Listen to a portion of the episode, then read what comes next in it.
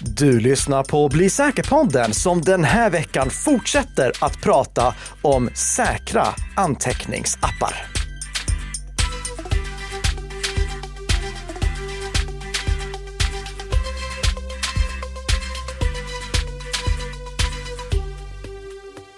Ja, god morgon, god morgon och välkomna till Bli säker-podden med Karl-Emil Nicka och Peter Esse.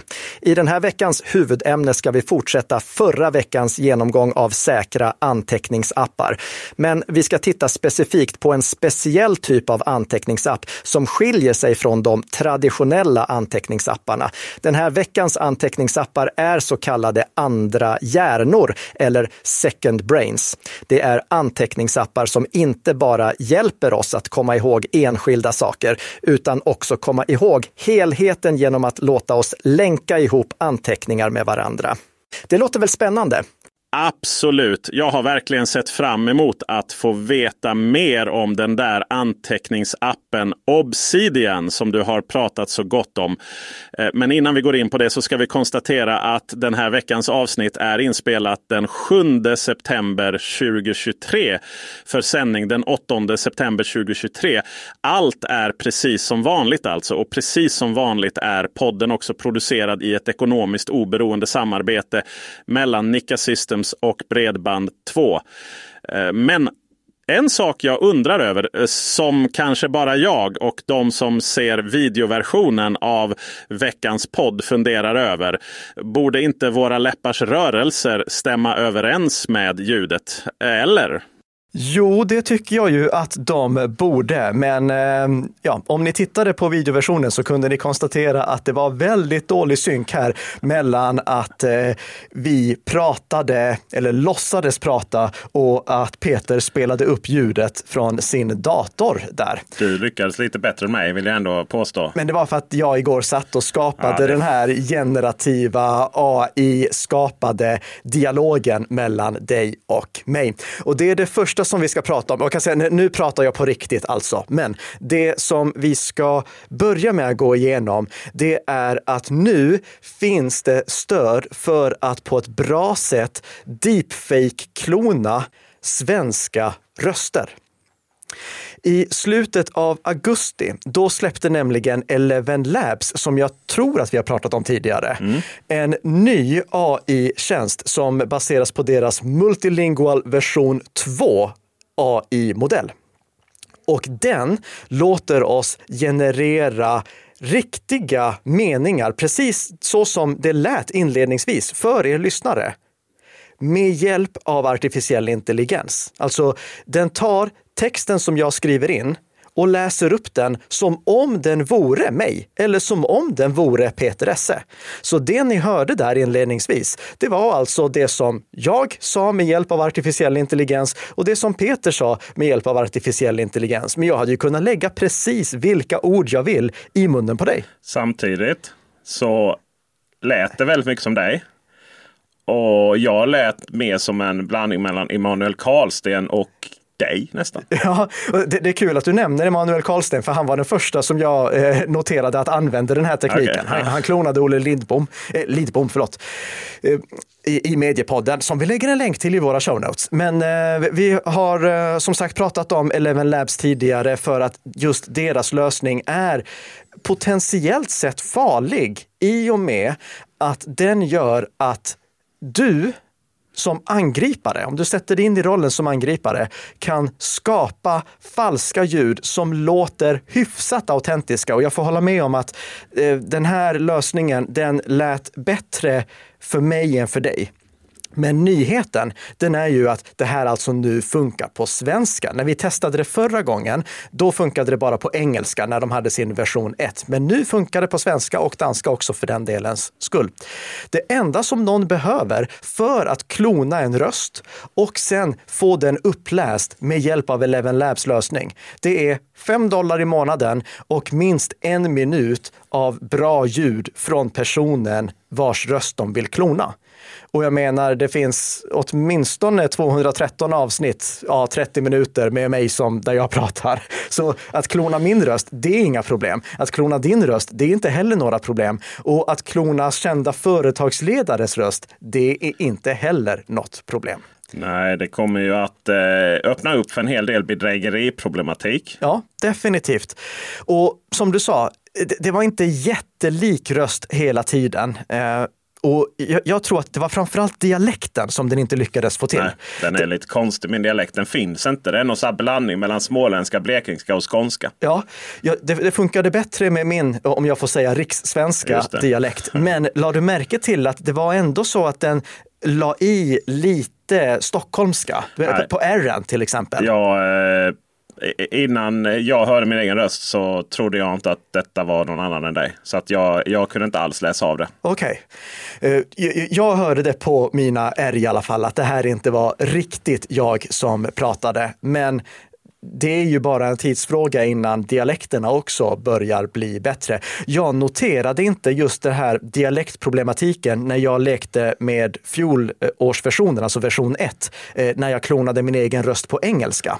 För att då lät det som om jag talade bättre engelska än vad jag gör normalt sett. Ja. Ja. Men nu på svenska, då blev det väldigt tydligt. Det blev väldigt, väldigt tydligt. Jag får samtidigt säga att även om den misslyckades lite med dialekten, framförallt en dialekt, så lyckades den fantastiskt bra, och med den syftar jag alltså på den här AI-lösningen, eh, fantastiskt bra med att klona sättet som vi pratar, alltså sättet som vi lägger in pauser, sättet som vår språkmelodi är på. Det, det lyckades den verkligen fånga. Och jag skulle vilja uppmana alla lyssnare att tänka så här. Okej, okay, det här är inte perfekt. Det, det, går fortfarande att höra att det här är fejkat. Men tänk dig om det hade varit brus i bakgrunden. Till exempel, du hade hört det här över en sprakig telefonlinje med massa omgivningsljud. Hade du kunnat avslöja det då?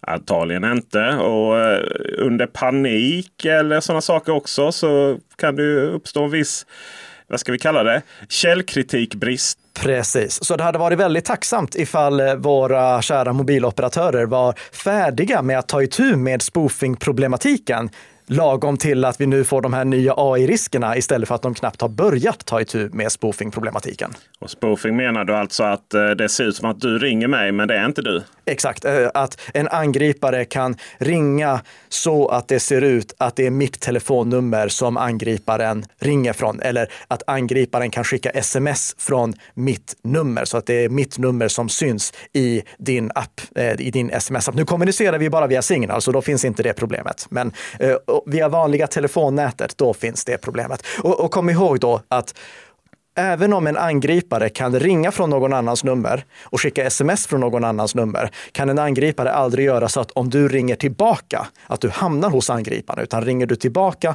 då hamnar du alltid hos den rätta nummerinnehavaren. Just det. Nu vidare till någonting som är nästan lika säkert att uppstå varje år som vinterkräksjukan. Och lika tråkigt är det att ha det kan jag tänka mig. Det är Alexander Perleros från Framgångspodden som har intervjuat en person vid namn Carl Lillrud som påstår då att eh, vi har det igen. Vi är tillbaka till det. Mobilen den tjuvlyssnar på oss konstant och sen serverar reklam. Och detta presenteras på ett sätt, ett sånt pondus från denna Carl Lillerud. Så att det, det är nästan så att man får en känsla av att jag känner mig dum när jag känner nej men det där stämmer ju inte. Och när jag känner mig dum då gör jag ju det enda rätta. Jag går till Karl Nicka. Hur är det nu Karl Nicka? Kan vi, kan vi klargöra det en gång för alla? Vi, eh, alltså, vi, vi Tjuvlyssna mobilen på mig. Nej det gör den inte. Nej, gör inte och, vi har klargjort det här så många gånger så jag tror att till och med våra lyssnare är trötta på det. Men eftersom det nu fortsätter att upprepas så tar vi det en gång till, redogör rent tekniskt för hur vi kan vara säkra på att mobilen inte tjuvlyssnar på oss. Så att om jag till exempel har pratat med dig Peter om anteckningar, att det sen dyker upp reklam för anteckningsböcker för att mobilen har hört vår konversation. Eh, jag vet att det är många lyssnare som har hört det här resonemanget tidigare. Om ni har gjort det, hoppa fram till veckans huvudämne. Så, så slipper, slipper ni göra det. Så, så slipper det. Första påståendet här, och detta sker ju via en Instagram Reel som är ja. liksom marknadsföring för nästa kommande poddavsnitt då från Framgångspodden. Eh, som vi har pratat och nämnt lite för mycket här. Eh, och då, då menar då den här Carl Lillerud att det här står ju i, eh, vi, vi accepterar detta själva. Det står ju i licensavtalet. Den delen tänkte jag faktiskt inte ens beröra. Nej, vi länkar till licensavtalet ja. i beskrivningen här till podden och så får ni kolla själva. Ja, Står det, ju inte. Nej, alltså, givetvis gör det inte det. det är, eh, Carl Lillrud hävdar i den här reelen att eh, Facebook och mobiltillverkarna har det som en del av licensavtalet, han syftar nog på användaravtalet där, eh, att vi skulle godkänna att bli avlyssnade i marknadsföringssyfte. Givetvis står inte det i användaravtalet eftersom det inte förekommer. Tvärtom, Facebook, Apple, Google, alla meddelar att nej, vi avlyssnar inte. Men det, det, alltså, det, det är så simpelt att debunka det. Det är bara att kolla, stämmer det att det står i licensavtalet eh, användarvillkoren? Nej, det gör det inte. Bra, då går vi vidare. Hur kan vi rent tekniskt avfärda det här påståendet och andra sådana här påståenden som dyker upp? För att det här påståendet i den här reelen är ju inte den enda gången i år som vi har hört det. Vi har hört det från andra aktörer också, till exempel i mars 2023. Då skickade NordVPN ut ett eh, pressmeddelande där de berättade om eh, hur mobilen avlyssnade användare. Och till skillnad från i den här reelen så hade NordVPN faktiskt också bevis för det. De hade en studie som de hänvisade till, en studie med 10 000 respondenter. Det är ganska många det. det är ganska många, många avlyssnade respondenter. Ja, men den här studien, den undersökte inte ifall de här 10 000 respondenterna var avlyssnade. Den undersökte ifall de här 10 000 respondenterna kände sig avlyssnade. Och det är väldigt stor skillnad där, för jag säger absolut inte att vi inte kan känna oss avlyssnade. Men det är av andra skäl som jag kommer till alldeles strax. Det är som själva rädslan för någonting blir beviset som sen snurrar det runt. Liksom. Exakt. Eh, precis som jag är rädd för att bli avlyssnad och det är på grund av att jag är förföljd av det stora spagettimonstret. Det Aj. stora flygande spagettimonstret avlyssnar mig och säljer allt det som jag pratar om till Facebook och till Google. Eh, det är inte, gluten är inte bra alltså. Nej, precis. Det, och, eh, nej, det flygande spagettimonstret existerar inte. Det här var alltså ett påhitt. Men det är ett lika tramsigt påhitt som att mobilen skulle ligga i bakgrunden och avlyssnas. Okej, låt oss gå in på de tekniska bevisen. Först och främst, mikrofonåtkomst. Hur kan en app komma åt mikrofonen? Jo, appen körs ovanpå operativsystemet, till exempel iOS eller Android. Så vi har en app, till exempel Facebook. Facebook körs ovanpå operativsystemet och operativsystemet är det som gör att den här appen kan kommunicera med mikrofonen, det vill säga höra det som sägs via mikrofonen. Operativsystemet är en förutsättning för att appen ska kunna komma åt mikrofonen. Utan operativsystemet emellan är det tekniskt omöjligt. Och operativsystemet har kontroller som begränsar vilka appar som får komma åt mikrofonen. Om operativsystemet inte beviljar appen åtkomst till mikrofonen, då är det tekniskt omöjligt för appen att komma åt mikrofonen. 2013, då släppte Apple iOS 7 och då förbättrade Apple den här åtkomstkontrollen genom att införa mikrofonbehörigheter som användaren själv styr över. Alltså istället för att det bara är en del av vad appen deklarerar att den vill ha tillgång till, så måste appen också fråga användaren om användaren vill ge appen åtkomst till mikrofonen. 2015 då lanserade eh, Google Android 6.0 med samma funktion. Och sen 2013 respektive 2015 så finns det alltså ingen möjlighet för en app att komma åt mikrofonen utan att du som användare har beviljat den behörigheten. Så det finns ju inte någon i säkerhetsbranschen eller någon utvecklare som har trott på den här myten om konstant avlyssning på tio år. Eh, för att det har varit tekniskt omöjligt i tio år med tydliga bevis för att det inte sker. Men eh, många har ändå känt sig lite oroliga, vilket jag kan förstå. Sedan släppet av iOS 14, vilket var 2020, så finns det därför en mikrofonindikator. När en app app som du har beviljat behörighet, åtkomst till mikrofonen. Du har gett appen behörighet till mikrofonen. När den appen väljer att använda mikrofonen, då tänds det en liten orange indikator uppe i det högra hörnet på din iPhone så att du kan se nu är det någonting som använder mikrofonen och du kan svepa ner från toppen på din mobil och se vilken app det är som använder mikrofonen också. Det här la Google också till i Android 12 som släpptes 2021. Där är det en grön indikator som kan ligga någonstans uppe i högra hörnet på grundversionen av Android, men den kan ligga någon annanstans också. Men en grön indikator, den måste vara grön faktiskt enligt specifikationen, som visar att nu är det någonting som har åtkomst till din mikrofon och du kan se vad det är. Så sedan släppet av iOS 14 och Android 12 sedan vi började använda de operativsystemen ska jag säga, så kan alla människor se när en app använder deras mikrofon. Och den där indikatorn, den är inte någonting som appen själv lägger till, utan det är operativsystemet som lägger till den. Det är inte så att en app kan kringgå att den där indikatorn tänds. När operativsystemet låter en app kommunicera med mikrofonen, då tänder operativsystemet den indikatorn. Så du kan vara säker på att den tänds när en app faktiskt använder mikrofonen. Men Sen var det ändå några som kände, ah, att jag tänker ifall jag missar att den där indikatorn tänds då. Okej, okay, då eh, eh, löste Apple och Google det också. Google löste det i samband med släppet av Android 12 2021 och Apple löste det också 2021 istället, i samband med släppet av iOS 15.2.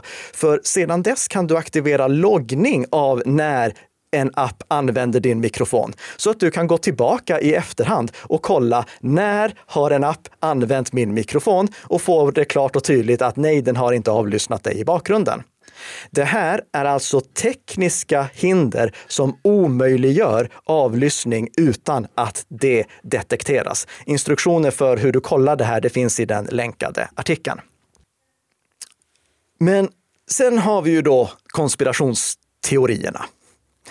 Givetvis. Vi har konspirationsteorier också. Nämligen att okej, okay, du säger att det är tekniskt omöjligt för en app att komma åt mikrofonen. Men operativsystemet i sig kan ju komma åt mikrofonen. Och operativsystemet i sig skulle kunna välja att inte tända den där indikatorn. Ja, nu fick jag dig! Så skulle det kunna vara. Alltså, mitt argument här, nu ska vi se hur, hur mitt argument är här som konspirationsteoretiker. Jag hävdar alltså att Apple i lönndom har valt att bygga in ett spionprogram i iOS som ingen har upptäckt när de har försökt att se hur iOS fungerar.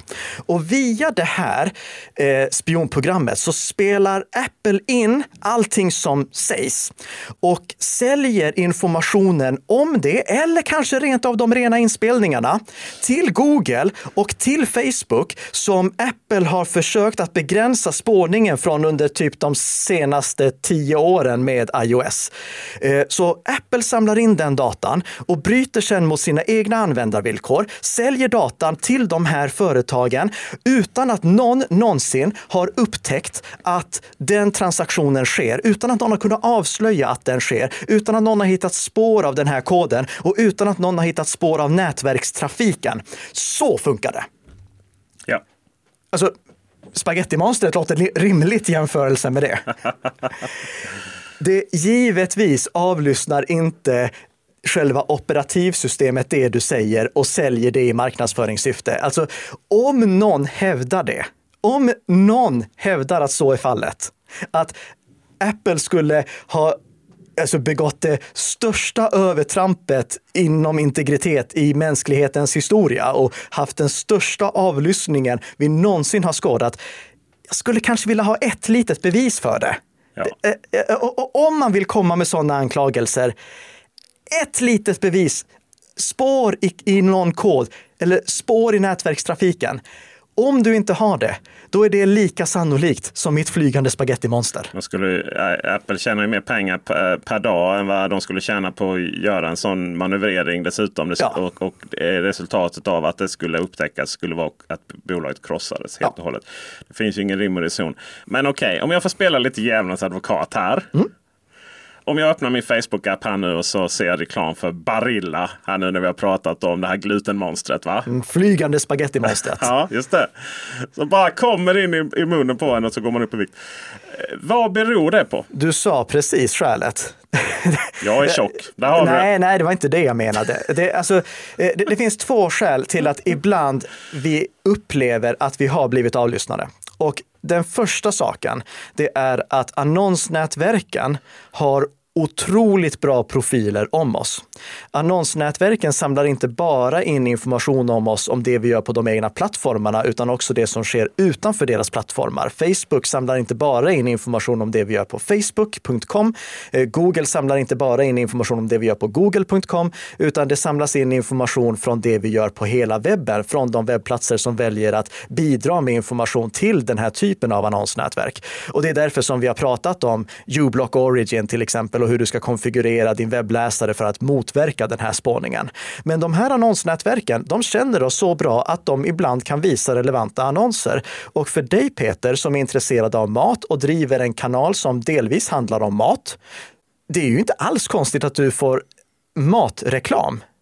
Det, det, det, givetvis känns det lämpligt ur, en, ur ett annonsnätverks perspektiv att visa för dig. Mm. Det, det, är inte konstigare än så. Men sen är det också den andra punkten, nämligen det vi kallar Bader-Meinhof-syndromet eller frekvensillusionen. När du köper en ny bil, Peter, jag kan slå vad om att när du sen kör på vägarna de efterföljande veckorna, då kommer du se väldigt många bilar av just den bilmodellen eh, för att du noterar dem extra väl då. Eller just den lacken, låt oss säga det, den lackfärgen. Vi människor, vi är Eh, vi har inte en hjärna som kan spara allting som vi ser. Eh, vi har inte en hjärna som är som har kapaciteten att spara till exempel alla de annonser som vi scrollar förbi. Vi ignorerar väldigt många av dem. Men av dessa tusentals annonser vi scrollar förbi så kommer det ibland finnas en annons som känns väldigt träffsäker. Och den kan vara det antingen beroende på profilen som har byggts upp om oss eller till exempel Eh, tidpunkten på året. Ja, eh, varför skulle det visas klorreklam för pool på vintern? Det är klart att det visas klorreklam eh, om, för pooler på sommaren. Så det finns många sådana här aspekter. Men när vi verkligen träffas av reklamen, då minns vi den. Då sätter det sig fast. Och de här annonsnätverken, de är alltså så bra så att vi kan känna oss avlyssnade. Men vi är inte avlyssnade rent generellt. Det är inte det som är problemet. Det stora problemet, det är att annonsnätverken kan leverera annonser som känns så här pricksäkra utan att avlyssna oss. Det är problemet.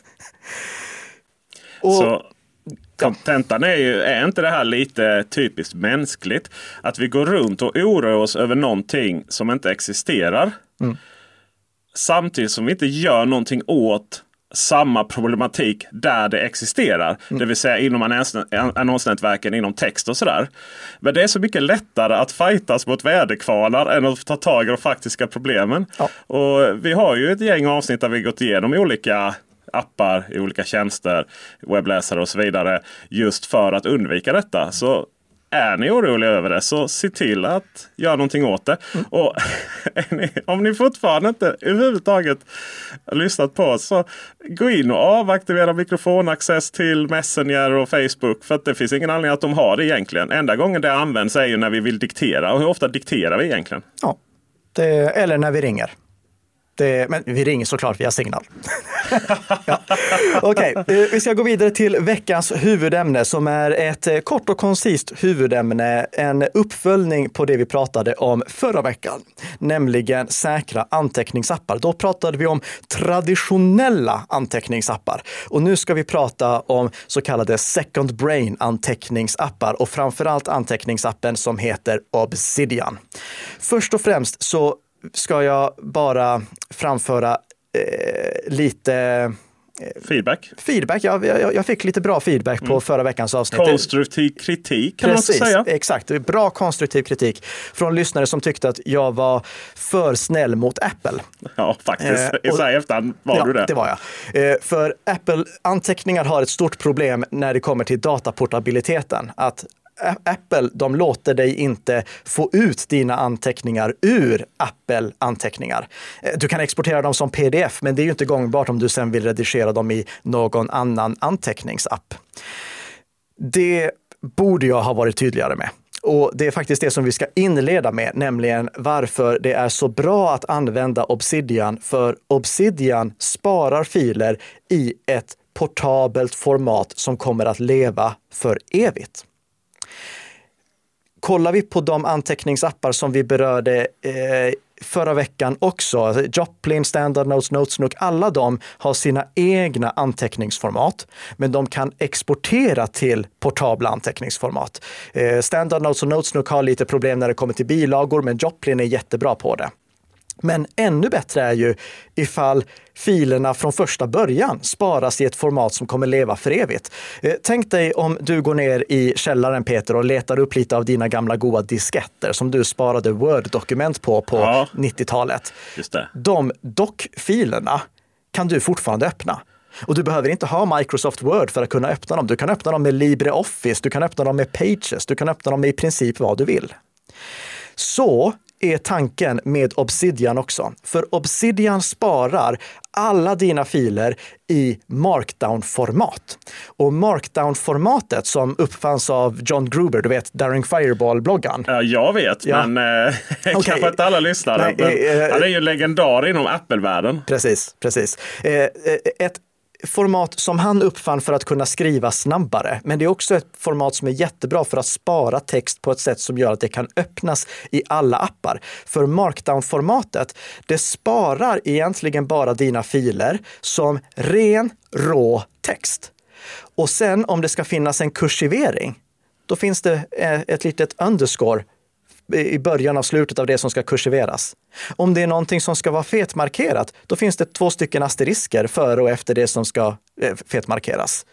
Om eh, du eh, vill ha en, en vad heter det på svenska, headline, en rubrik. En rubrik, ja, ja precis. Då finns det ett hashtag-tecken framför rubriken. Det här gör att alla helt vanliga råtextappar, till och med anteckningar i Windows, ja kan öppna de här filerna. De kommer alltid att funka. Och om du väljer att öppna filerna med en eh, markdown-kompatibel editor, då kommer den markdown-kompatibla editorn göra så att det blir mer lättläst också. Till exempel ta den här hashtag-rubriken och visa det som en rubrik och visa kursiveringarna och visa fetmarkeringarna. Precis, för i Windows Notepad så ser vi ju, då ser vi bara hashtaggen och udde. Det händer liksom ingenting med texten. Då. Nej, men, men i, den blir ju läsbar. Exakt, och eh, markdown-formatet är nu jättepopulärt. Det är lite omständligt att komma igång med, att lära sig de här olika... alltså, hur, okay, hur ska jag göra en fet markering? Men i Obsidian, då kan du också göra på traditionellt sätt. Du markerar texten du vill fetmarkera och trycker Ctrl B eller kommando B på Mac det som händer då det är att Obsidian lägger in två stycken asterisker före och efter. Ja. Eh, men eh, du, du ser liksom att det här händer i bakgrunden och samtidigt så lär du dig att skriva på markdown-vis för att kunna anteckna ännu effektivare.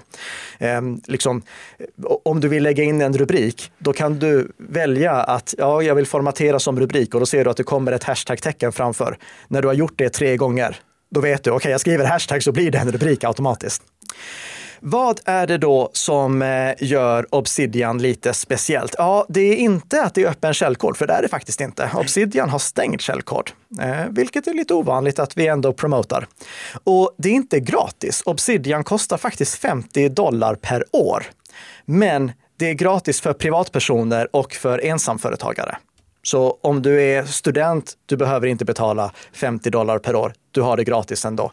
Det är inte för hälften av Sveriges företagare heller uppenbarligen. Nej. Med tanke på att vi är mycket ensam, eh, enskilda firmor. Så. Precis. Eh, men eh, jag, nämner ändå, det är en betaltjänst om du vill ha det till ditt företag med många anställda. Då kostar det faktiskt. Men det du får, det är ett second brain anteckningsverktyg. Och vad innebär det? Jo, istället för att du bara har en lista med dina anteckningar eller kanske eh, mappar med anteckningar så kan du lägga in länkar i dina anteckningar. Så en anteckning kan länka till en annan anteckning. Du kan ha en huvudanteckning som länkar till alla anteckningar som är relaterade till det ämnet. Och det gör att istället för att du bara får en lång lista med anteckningar så får du en helhetsbild över hur de här olika anteckningarna faktiskt hänger ihop för att lättare kunna visualisera för både dig själv, eh, för dig själv faktiskt, eh, vad det är de här anteckningarna handlar om och gör det lättare att hitta gamla anteckningar. Jag liksom upp, oh just det, det där antecknade jag en gång, det hade jag glömt. Det får jag tack vare den här modellen. Eh, länkar är inte unikt för, eh, eh, för Obsidian. Det finns i standard notes också, men där är det en del av själva Chrome-delen av standard notes. Alltså det är inte en integrerad del av anteckningen som länken hamnar i. Apple Notes får stöd för länkar i iOS 17. Bra ny funktion där. Men med Obsidian då kan du alltså skapa det här länkmolnet. Eh, du, du, kan bygga lite som din egen wiki. Eh, ja, där, som en egen intrawebb liksom, ja, för sitt egna för, liv. Ja, för, för, ditt eget huvud. Eh, och Obsidian hjälper dig också. Att, ja, men du, det här handlar nog om det här. Vill du inte länka ihop de här två anteckningarna? Jo, det vill jag göra. Så jag har strukturerat anteckningen som jag kollar på just nu på det sättet att den är uppdelad i vad de olika eh, ämnena eh, som vi ska beröra den här veckan är. Sen är den här anteckningen länkad till Bli säker-podden-anteckningen som i sin tur länkar till andra, alla andra avsnitt av Bli säker-podden. Och Bli säker-podden-anteckningen den länkar till Bli säker-anteckningen som handlar om Bli säker-podden, Bli säker-boken, Bli säker-bloggen och så vidare. Är det därför du har så stenkoll på avsnitten? Jag trodde att du har varit någon sånt där geni, nej, nej, nej, nej, nej, nej, Det är alltså nej, bara hjälpmedel, bara ja. mjukvara. Alltså, wow! Eh, det är bara, bara mjukvara som gör det här. Det som, eh, sättet som jag har valt att eh, strukturera mina anteckningar är inte säkert att det är samma sätt som du väljer att strukturera dina anteckningar. För du kan strukturera det med traditionella mappar. Du kan strukturera det med länkar och mappar. Du kan strukturera det med taggar. Du kan strukturera det med länkar, mappar och taggar. Det, det är otroligt flexibelt. Men det gör ju också att när du öppnar Obsidian första gången det, det, är lite oklart vad du ska göra. Ja, ja. Det är inte helt självklart. Eh, om ni vill ha en grundläggande genomgång så kan jag därför passa på att tipsa om eh, Carl Heath som jobbar så, eh, på RISE. Han har publicerat en liten Youtube-guide på svenska om att komma igång med Obsidian. Men om du väljer att använda Obsidian, då får du alltså möjlighet att bygga din egen second brain-lösning. Det kommer inte kosta någonting för dig om du inte vill att du också ska kunna synkronisera det mellan din dator och din mobil. Du kommer ihåg kraven som vi hade i förra veckan. Det var att appen skulle stödja totalstreckskryptering och offline-stöd. Det var väldigt viktigt. Vill du kunna synka dina anteckningar mellan alla dina enheter, då behöver du Obsidian Sync och det är en tilläggstjänst som kostar 96 dollar per år. Den synkroniserar totalstreckskrypterat. Eh, fram till i förra månaden så fanns det inte stöd för att eh, skydda sitt konto med tvåfaktorsautentisering. Det finns det nu, vilket givetvis ska det finnas. Snyggt. Men det gör ju att det blir lite av en kostnad. Du vinner mycket på det. Du vinner synkroniseringen. Eh, du får dessutom versionshistorik så att du kan backa tillbaka till tidigare versioner av din anteckning.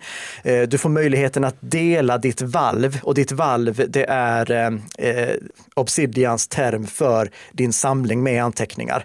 Eh, du kan dela ditt valv med andra Obsidian synkanvändare. Men här vet jag att det finns en vanlig missuppfattning. Obsidian synk gör inte att du kan realtidssamarbeta med andra användare, utan det är bara möjligheten att du kan till exempel låta en av dina anteckningar, eller du kan låta din kursare fylla i saker i dina anteckningar men inte i realtid, utan det blir liksom var för sig. Det gäller att ni inte öppnar det samtidigt då? Exakt, för att det finns inte någon ordentlig eh, konflikthantering däremellan. Men kan man ha flera valv eller?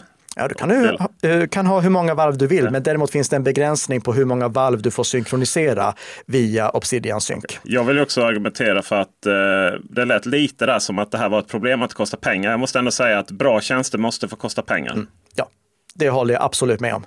Eh, och vill ni stötta Obsidian så kan ni dessutom antingen donera eller köpa deras Catalyst-licens. Så eh, får ni tillgång till förhandsversioner. Ja, man fick en batch också. Ja. Värsta vippen liksom. Mm. Och om ni inte vill betala, vilket jag vet att många studenter, alltså det, det, är ändå 96 dollar per år, det är mycket för studenter, eh, då kan ni synkronisera via till exempel iCloud också. Eh, det går eh, att synkronisera ett Obsidian valv via iCloud mellan Apples enheter. Det funkar inte till Windows. Även om iCloud finns på Windows så är iClouds synkroniseringsmotor inte jag tror att den inte är tillräckligt snabb för att fungera med Windows och Obsidian på Windows. Så eh, det är till och med så att i eh, Discourse, nej inte Discourse, dis, eh, vad heter Discord. det? Discord, tack. I Discord-forumet för Obsidian. Om någon börjar prata om Windows-synkronisering via iCloud, då kommer det en varning som säger nej, gör inte det här, det funkar inte, du kommer bli av med dina anteckningar. Ett litet stalltips här. Jag kopplar upp mig här då, får jag säga, på, i molnet med Obsidian. Mm. Och eh, var lite förvirrad vad jag skulle göra då eh, med iCloud Sync när jag började på macken. Men det blev så mycket tydligare då om jag kickade igång igång det på mobilen. För då säger jag bara att jag vill köra via iCloud. Och, sen, och då skapas en Obsidian-mapp i min iCloud Drive. Mm. Som jag sen bara kan peka på i på macken då. Ja. Och eh, då kommer det upp eh, smärtfritt och trevligt. Så jag kommer börja använda den här nu. Det är ju häftigt. Coolt att kunna läsa eh, show notesen här eh, formaterat också. Det var lite, ja. lite häftigt. Mm. Det jag märkte dock var ju att jag kan inte öppna filen Eh, alltså jag kan inte dubbelklicka på filen och förvänta, förvänta mig att den öppnas i Obsidian. Som om jag hade varit någon liksom dockfil eller någonting som skulle öppnas i Word. Nej. Utan jag får dra in den bara till valvet. Då. Den måste ligga i valvet, precis. Och om jag vill dela filer som har bilagor, då måste jag dela bilagorna med dig också. För bilagorna sparas separat så att de är lika universellt gångbara som textfilerna i sig. Men de länkas då in istället för att bäddas in. Ska vi ta nackdelarna med Obsidian också? Nej, jag tyckte vi hade det så mysigt här. Ja. Men det finns väl alltid några nackdelar? Det finns alltid nackdelar. Och det första det är dålig tabellhantering. Eh, det är riktigt jobbigt att hantera tabeller i Obsidian. Eh, det andra är att det inte finns några databasfrågor som kan sparas i anteckningar. Ni som kommer från Notion, ni kommer sakna det. Eh, så att man liksom kan säga, jag vill få ut alla anteckningar som är strukturerade på det här viset. Men båda de här funktionerna kommer att åtgärdas åtgärdas i en kommande version av Obsidian. Det finns på deras roadmap och det som ligger på roadmappen när det gäller Obsidian är sånt som faktiskt kommer ganska snabbt. Eh, sen finns det också eh, stöd för att få de här funktionerna, alltså bra tabellhantering och stöd för databasfrågor via eh, community-tillägg. Men ni bör vara försiktiga med vilka community-tillägg ni installerar för att de är inte granskade på samma sätt som Obsidian-programmet i sig. Eh, så de skulle kunna innehålla skadeprogram. Nu är det väldigt låg sannolikhet att något av de här tilläggen som är för just tabellhantering eller databasfrågor skulle innehålla skadeprogram. De används av över eh, Ja, den ena används över en miljon användare och den andra nästan en miljon användare. Eh, så det är många som ändå har testat dem. Men man ska komma ihåg att community-tilläggen, de gör att Obsidian kan göra ännu mer men de medför en risk också. Eh, och sen så, eh, sist men inte minst, eh, någonting som jag stör mig på, det är att kodblock radbryts. Alltså om jag skriver programmeringskod så radbryts den och det finns det ingen lösning på faktiskt.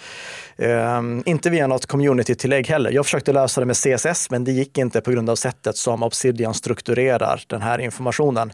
Finns det ingen sån här där du som användare kan eh, rösta upp vad ni tycker är viktigt jo, i roadmappen och sånt. Det och få med den där. Då får du skapa en kampanj för ja.